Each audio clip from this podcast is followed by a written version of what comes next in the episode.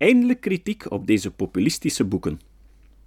Een interessant boek over de manier waarop populaire boeken tot stand komen en een haast mythisch leven beginnen te leiden, is het boek van Phil Rosenzweig, professor bij IMD in Lausanne.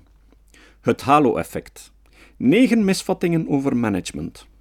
Hij nam onder meer de boeken van Tom Peters en Jim Collins op de korrel. Tom Peters schreef niet alleen In Search of Excellence samen met Robert Waterman, maar nadien ook nog Thriving on Chaos en The Pursuit of Wow. Het eerste boek is nog steeds een geliefd boek bij leidinggevenden, ondanks het feit dat ondertussen werd aangetoond dat ongeveer de helft van de beschreven 43 bedrijven het absoluut niet zo goed deden, nog geen twee jaar na de publicatie van het boek. Bovendien deden slechts 12 van de 35 bedrijven die Rosenzweig via Compustat natrok het beter dan de markt van 1990 tot 1984. En ja hoor, 23 deden het slechter dan de markt. Volgens Rosenzweigs analyse was dit te wijten aan de totaal verkeerde opzet van hun zogenaamd onderzoek. Ze namen bedrijven die het op dat moment goed deden en gingen dan mensen interviewen die in die bedrijven werkten. Zo krijg je gegarandeerd een halo-effect. Een begrip dat al in 1920 werd geïntroduceerd door de Amerikaanse psycholoog Edward Thorndike. Het betekent dat wanneer je een globale positieve indruk over iemand of iets hebt, je vervolgens de neiging hebt om ook andere deelaspecten positief te beoordelen. Dus, in het geval van Peters en Waterman maakten ze de grote vergissing om aan te nemen dat wat in de interviews gezegd werd waar was omdat het de 35 bedrijven op dat moment voor de wind ging, rationaliseerden de geïnterviewden dat het wel om goed leiderschap en managementpraktijken moest gaan. Voetnoot.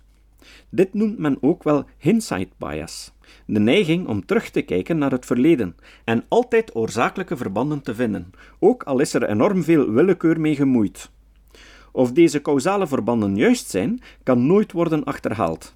Causaliteit kan men wel met experimenten achterhalen, waarbij voorspellingen op voorhand worden gedaan en waarbij men kijkt of deze dan veelvuldig uitkomen. Einde voetnoot. Dit werd door de interviewers klakkeloos geloofd. Pieters gaf trouwens later toe dat hij zijn instinct en gezond verstand volgde en dat hij altijd nog later data kon verzamelen om zijn bevindingen te staven. Voorwaar een hoogst onwetenschappelijke aanpak. En waarom het zelfs geen oplichting noemen? Als klap op de vuurpijl gaf Pieters, een ex-McKinsey-boy, toe dat ze hun conclusie hadden geschreven voor ze de data analyseerden. Wat meer is, hij zou ook gezegd hebben: I confess, we faked the data. Fast Magazine, december 2001, door Pieters ontkend. Dit is niet mis te verstaan. Jim Collins, nog een ex-McKinsey consultant, is in hetzelfde bedje ziek. Zo blijkt uit de naarstige research van Rosenzweig.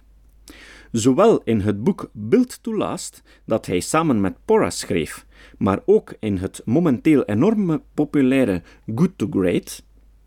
Het staat helaas ook in mijn collectie, zij het wel in de foute boekenreeks ondertussen.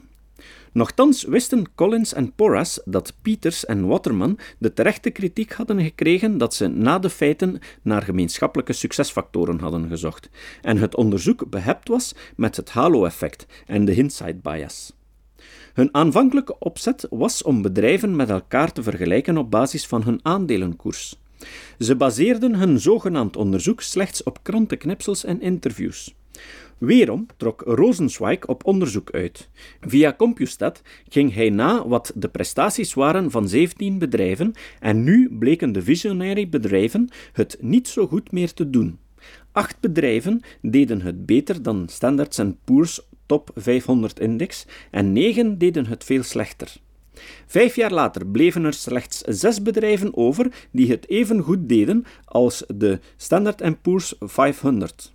Met het tweede boek van Jim Collins, Good to Great, was het niet beter gesteld. De bedrijven die het goed deden volgens Collins waren namelijk allemaal bedrijven in erg stabiele sectoren. Tot dan toe trouwens.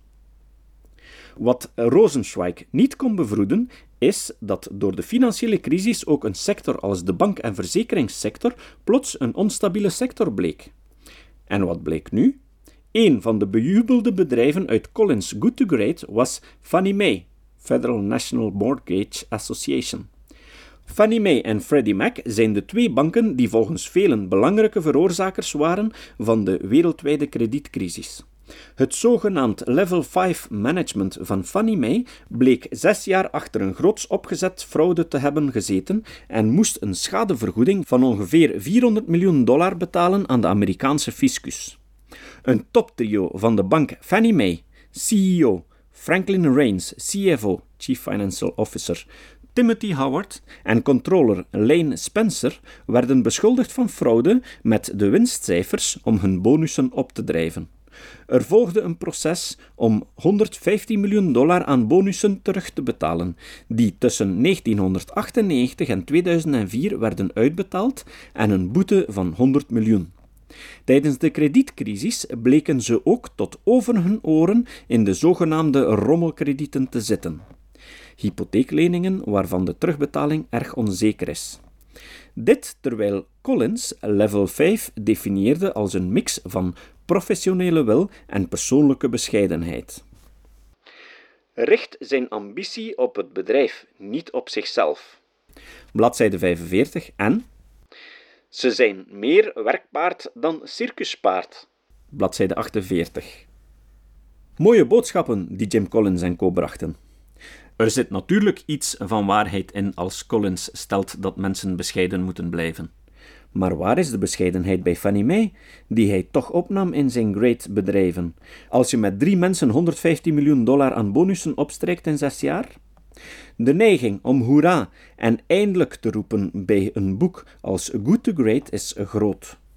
Zulke boeken maken van het verleden een goedklinkend verhaal, maar hun conclusies zijn op slecht onderzoek gebaseerd en dus absoluut niet te vertrouwen.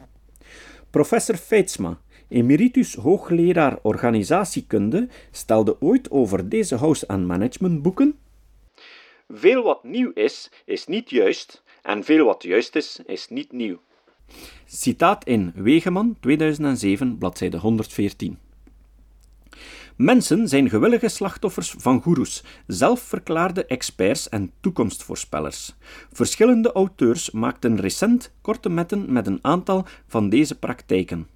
Naast Phil Rosenzweig pleit ook het auteursduo Jeffrey Pfeffer en Robert Sutton voor meer evidence-based management.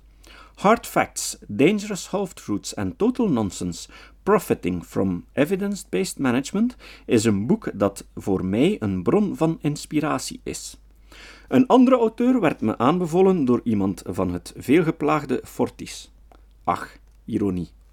Nassim Nicholas Taleb voormalig effectenmakelaar, maar ondertussen hoogleraar onzekerheidskunde aan de Universiteit van Massachusetts, neemt in zijn boeken de belachelijke pogingen om de toekomst te voorspellen door economen en financieel analisten op de korrel. Fooled by Randomness en De Zwarte Zwaan, de impact van het hoogst onwaarschijnlijke. Deze auteurs zijn het over één ding eens. Ze stellen allen dat toevallige omstandigheden veel meer de financiële resultaten en overlevingskansen van bedrijven bepalen dan om het even wat, inclusief leiderschap, het hoofdthema van dit boek.